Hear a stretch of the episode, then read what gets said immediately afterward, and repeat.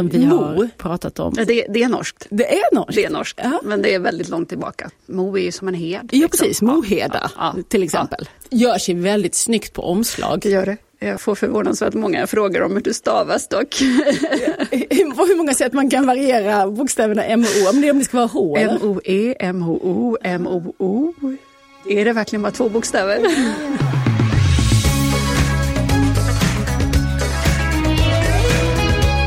Pocketpodden. För dig som älskar böcker. Välkommen till Pocketpodden. Det här är avsnitt 83 och jag heter Lisa Tallroth. Hemvändarna har ju blivit en egen subgenre inom spänningslitteraturen. Och i Johanna Mos nya deckarserie rör vi oss på hennes eget Öland. Men hennes huvudperson, polisen Hanna Dunker, hon har verkligen inte gjort det lätt för sig. För borde hon alls vara på Öland igen utan att ens byta namn? Om skulden som kan finnas också i skuggan av ett brott och att inte kunna släppa det förflutna. Det handlar Nattsångaren som är första delen i serien Ölandsbrotten. Och Johanna Mo är min gäst idag.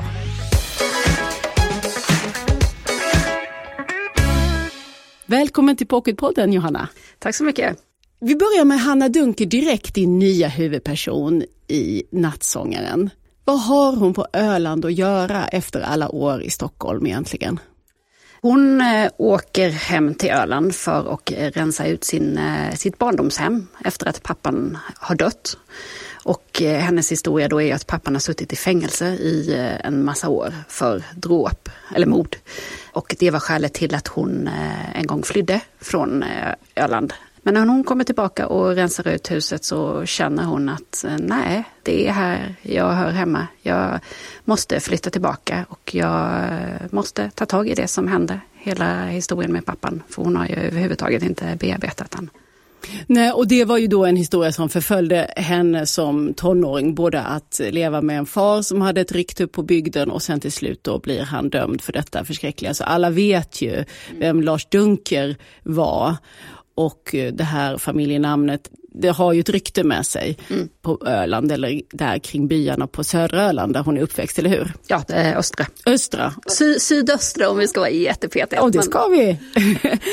och så eh, är hon ju polis då, Hanna hon får jobb på Kalmarpolisen och blir ganska snabbt indragen i ett fall där hon, som också kopplar till hennes gamla uppväxttrakter och inte minst till människor från hennes förflutna eftersom det hela den här berättelsen nu börjar med att en 15-åring, Joel, hittar stöd på Allvaret, den stora öppna heden mitt på Öland. Och han visar sig vara son till Rebecka, som är Hannas gamla barndomskompis.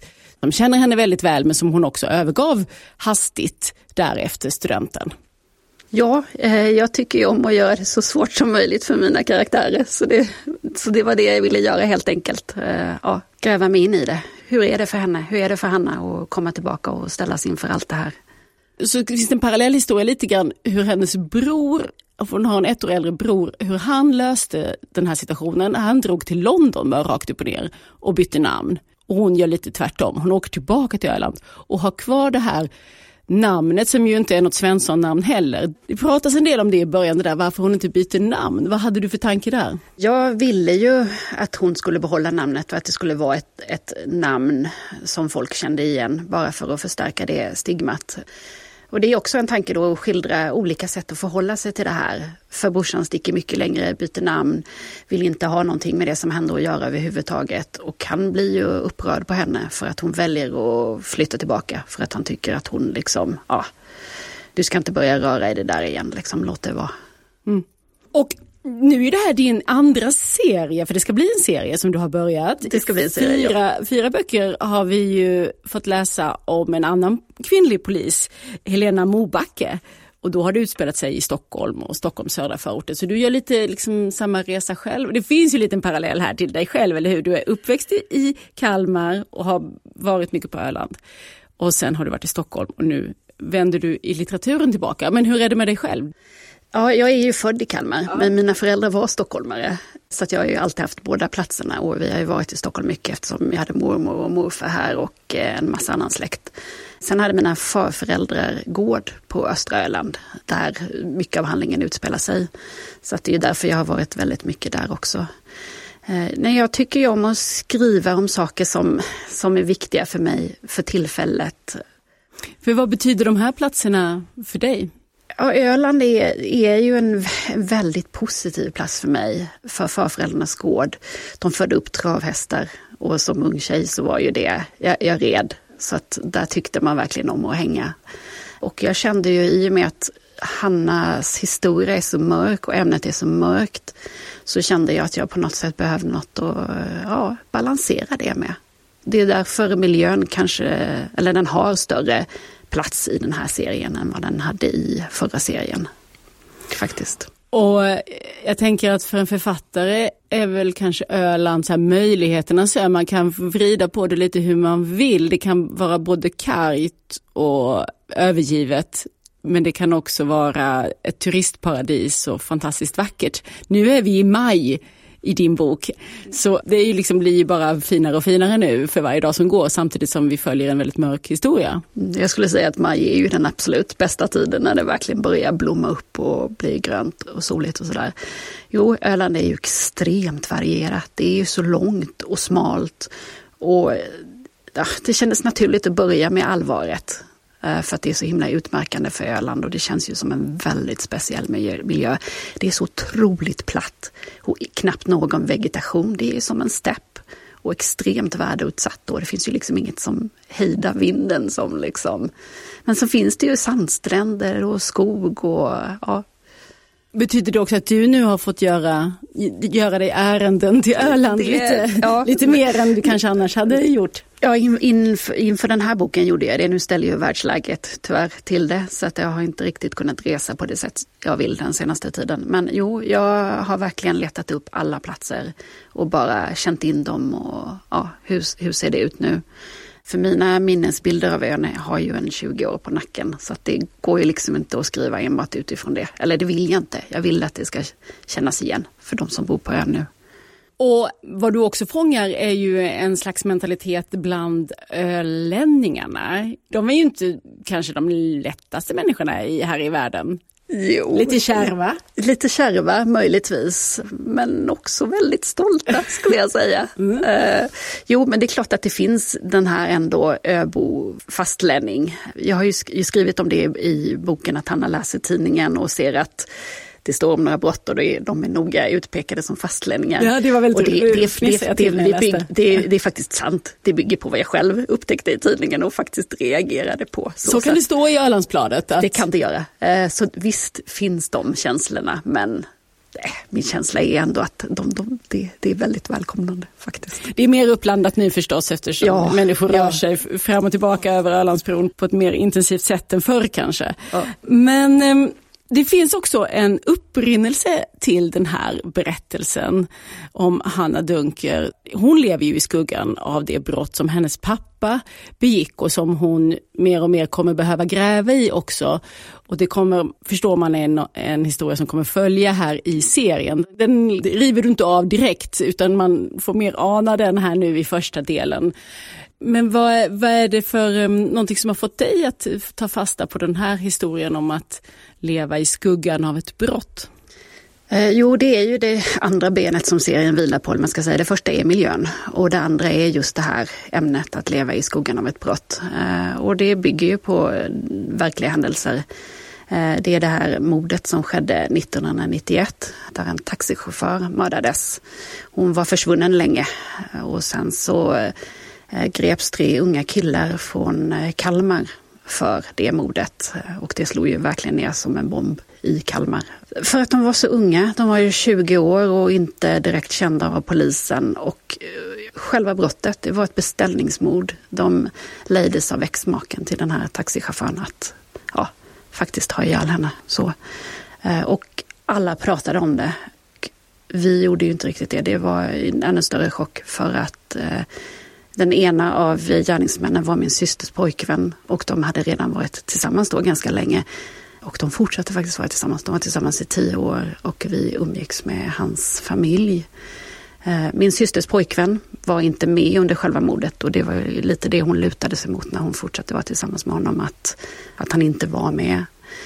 I pressen så kallades han för hjärnan, så det är klart att han var med. Han, han var ju... Äh, den som hade planerat? Han var den hela. som hade kontakten med exmaken och ja, ansågs vara drivande. Så. Och, och det här hände 91? Det hände 91. Då, då var du i 15? 15-årsåldern, så. Och din syster är lite äldre då? Ja, hon skulle ta studenten då, mm. så att hon var ju tre år äldre. Precis 18 och så de här ja. unga männen som begick brottet och mordet, de var 19. Ja, lite och, äldre, 19-20. Ja. ja. Hur, hur minns du den här tiden när det här rullades upp?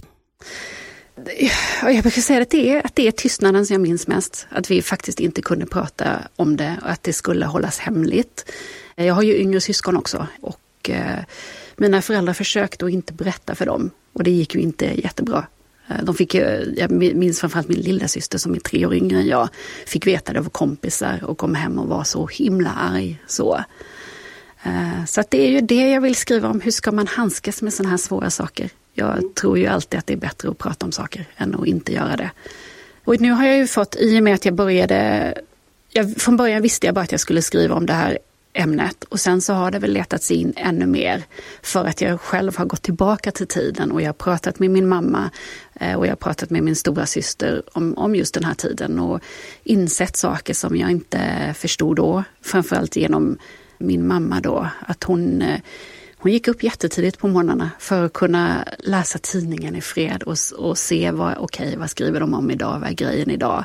Så att hon sen när vi kom upp kunde låtsas att allt är, allt är bra, allt är som vanligt. Liksom. Så. För det här var liksom den stora följetongen i, ja, det var det. och, lokalpressen? Och jag minns det där från pressen också, att de ringde ju hem till oss hela tiden. Jag har minnesbilder av att mamma slängde på luren och nej, hon vill inte prata mer. Liksom.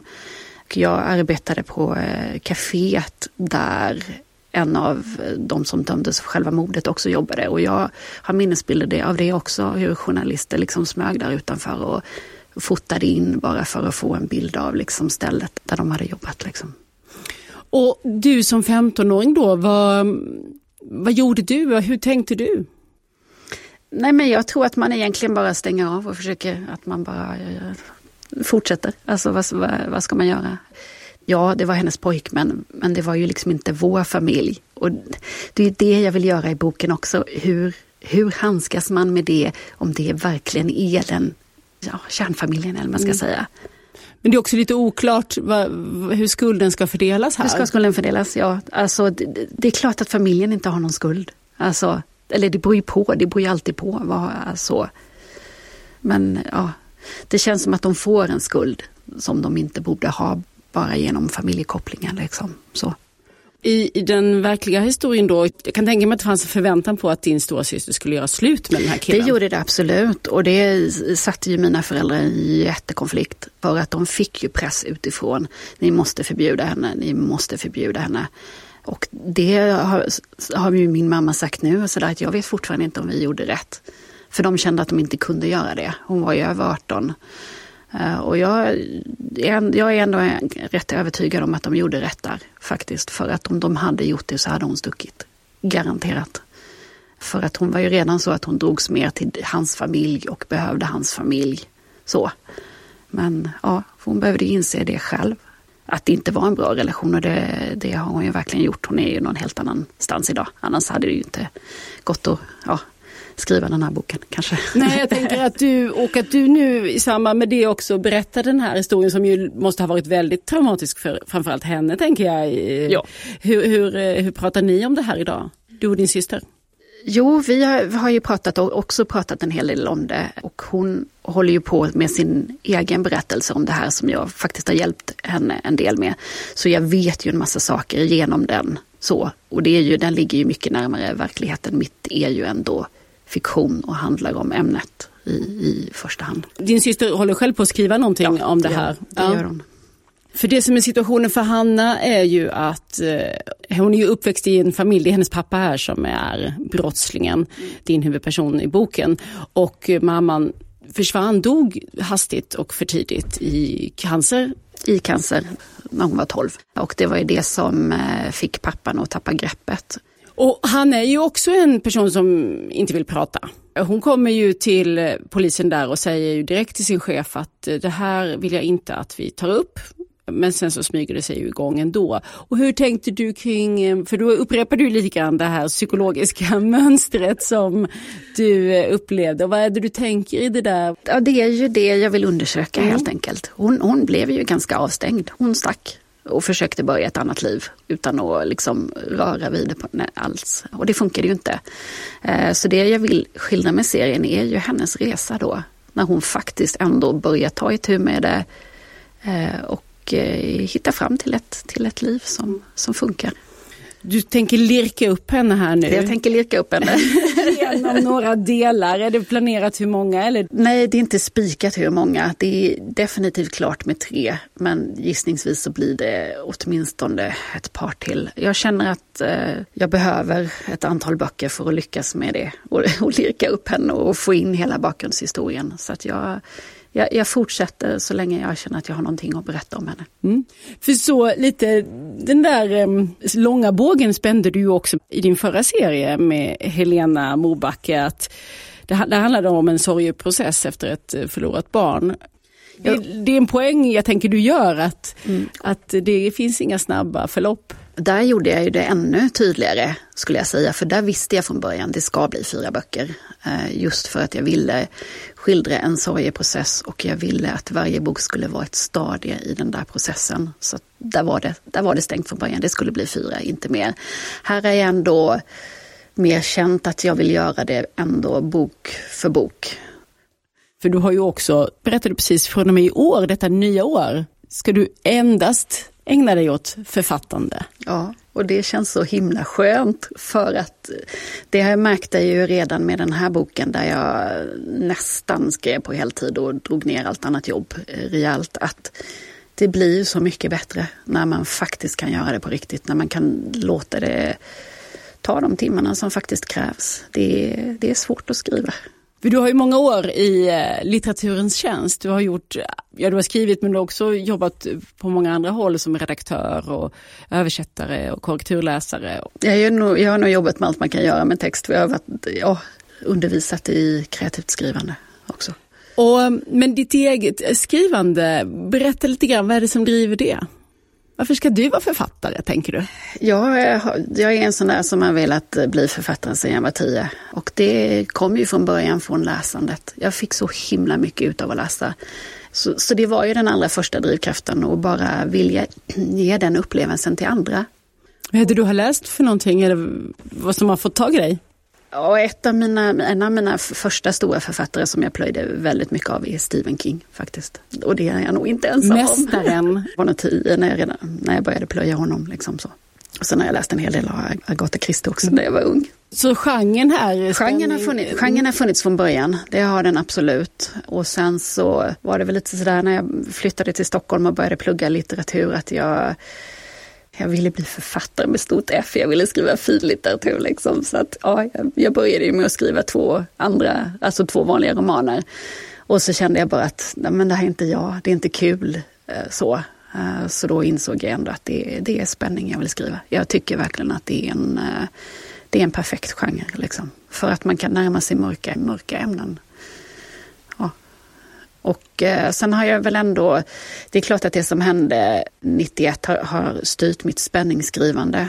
Jag läste ju spänning innan dess, men det har styrt hur jag skriver spänning.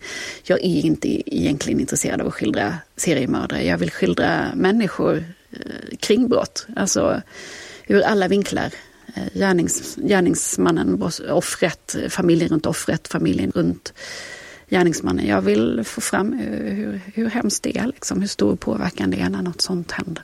Och det är ju också ett grepp du gör så tillvida att i boken att kapitlen skiftar mellan olika perspektiv, olika personer i historien som får berätta ur sin vinkel.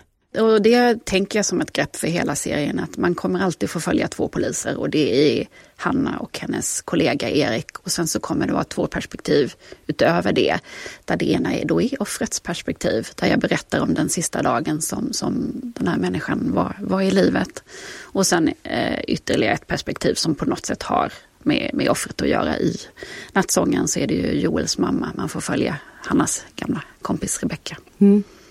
Jag berättar lite om henne, för hon är ju en viktig person i boken. I hennes eh, perspektiv så är det ju förlusten som är det viktiga. Hur, hur hanterar man och att förlora ett barn? Och där återvänder jag ju till det eh, som jag skrev om i Mobake-serien. Så det är ju det stora ämnet där. Mm. Och varför vill det fram hela tiden hos dig?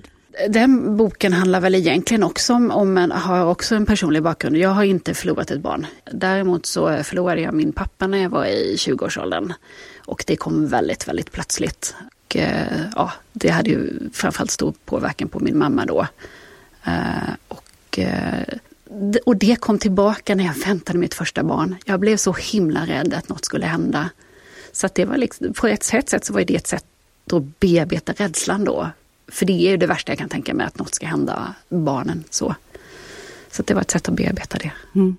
Ja, tycker du att du har, för du har ju eh, hunnit med ganska många böcker vid det här laget. Ja, det här är åttonde. Och du är ju några över 40. Så ja. du har ju varit i full gång måste jag säga. Tycker du, om du tittar tillbaka på din, dina åtta böcker här, hur har utvecklingskurvan varit? Eh, långsamt uppåt. Ja. Jag känner ju att jag att jag lär mig för varje bok. Jag blir en för, bättre författare för varje bok. Vad är det du lär dig, tänker du? Allt. Processen. Jag blir bättre på att lägga upp arbetet. Jag är bättre på att måla upp en bild i huvudet och nå fram till den bilden. Jag blir bättre på att skriva, få ihop meningar, allt skulle jag säga. Har du några egna husgudar? Stephen King förstod vi. Ja, jag har så många så att det är så otroligt svårt att plocka bland dem. Arne Dahl brukar jag lyfta fram för att jag tycker att han är så otroligt komplett när det gäller att språk, karaktärer och bygga intrig. Han har liksom alla delar. Sen eh, tycker jag om Camilla Grebe och Kristoffer Karlsson också. De, eh, de skriver så sjukt bra. Och de lyckas ju med det där och verkligen dra med mig. Och just Kristoffer skriver ju också i den här hemvända genren som jag kallar den. Han återvänder till sina platser i Halland där han kommer ifrån. Har du tänkt på det, att det är många författare som, som har återvänt till ja, sina trakter? Ja, eh, Lina Bengtsdotter gör ju det också i sin serie. Jo, men det, det är väl ganska naturligt om man ska skriva om en mindre ort och just välja det temat. Det, det blir ju ett extra lag, en konflikt, liksom just den där personen som kommer tillbaka. För då har man ju ändå med sig blicken utifrån. Skulle man skriva någon som bara har bott där i hela sitt liv så skulle det ju nog bli en ganska annorlunda berättelse ändå, faktiskt. Sen är ju Stockholm ganska välrepresenterat. Det är väldigt väl I spänningslitteraturen, så det kan vara skönt att få vara på andra platser. Och sen är det också eh, det där, just den mindre orten, att eh, jag, vill, jag ville skriva om den just för, för att de som bor där, man är, man är ju mer beroende på gott och ont av, av människor runt omkring. I Stockholm är det så lätt att bara klara sig själv. Det gör man ju inte riktigt där. Du har inte flyttat tillbaka till Kalmar, Nej. men när du kommer dit, vad händer då? I själ och hjärta? Men det var ju därför jag valde att skriva den, den här serien just nu. För att jag kände att jag hade varit ifrån tillräckligt länge och jag började känna när jag kom tillbaka hur mycket jag faktiskt ändå tycker om platsen. Så att för mig var det bara rätt tillfälle. Och det här tisslandet och tasslandet då som var 91 där kring den här händelsen som berörde din familj. Har det trätt in i skuggorna igen eller? Jag, jag, jag både och, för de, de, det är väldigt många som inte, det är ändå 30 år sedan. Så, så att ja, visst, visst har det försvunnit till viss del. Men eh, jag märkte ju ändå det när jag var på Öland en del i somras och eh, hade lite signerat att det kom fram en del och faktiskt ville prata om det. De kände någon annan av gärningsmännen eller att de bara hade blivit berörda på något sätt av när det hände och inte riktigt, ja, att det kom tillbaka liksom. Mm. Det är och när du, fortfarande en grej. Och när du tänker som vuxen nu då på det här, då var du bara 15 år. Hur skulle du önskat att ni hade hanterat det i din familj? Jag vet inte, det enda är ju att man kanske skulle ha pratat mer om det men samtidigt, och det är ju det som gör att jag vill skriva om ämnet, det är så svårt. Vad ska man säga liksom? Jag vet inte. Det, det är därför jag vill skriva om det. Så. Tusen tack Johanna Mo för att du kom hit till Pocketpodden. Tack så jättemycket. Pocketpodden. Nästa vecka är Tobias Karlsson gäst här i Pocketpodden. Han är dansare och underhållare och du har säkert sett honom virvla runt i Let's Dance på TV. Men hans liv började i en helt annan ände. Som mobbad och utstött i en värld som bara tillät ett sätt att vara pojke på. Och om detta och vänskapen som förändrade hans liv har han skrivit i den självbiografiska boken Inte alltid en dans på rosor. Och den ska det handla om nästa gång. Tills dess, följ gärna Pocketpodden i sociala medier. Där heter vi Älska Pocket. Och jag heter Lisa Tallroth. Hej då! Du har lyssnat på Pocketpodden. En podd från Bonnierförlagen.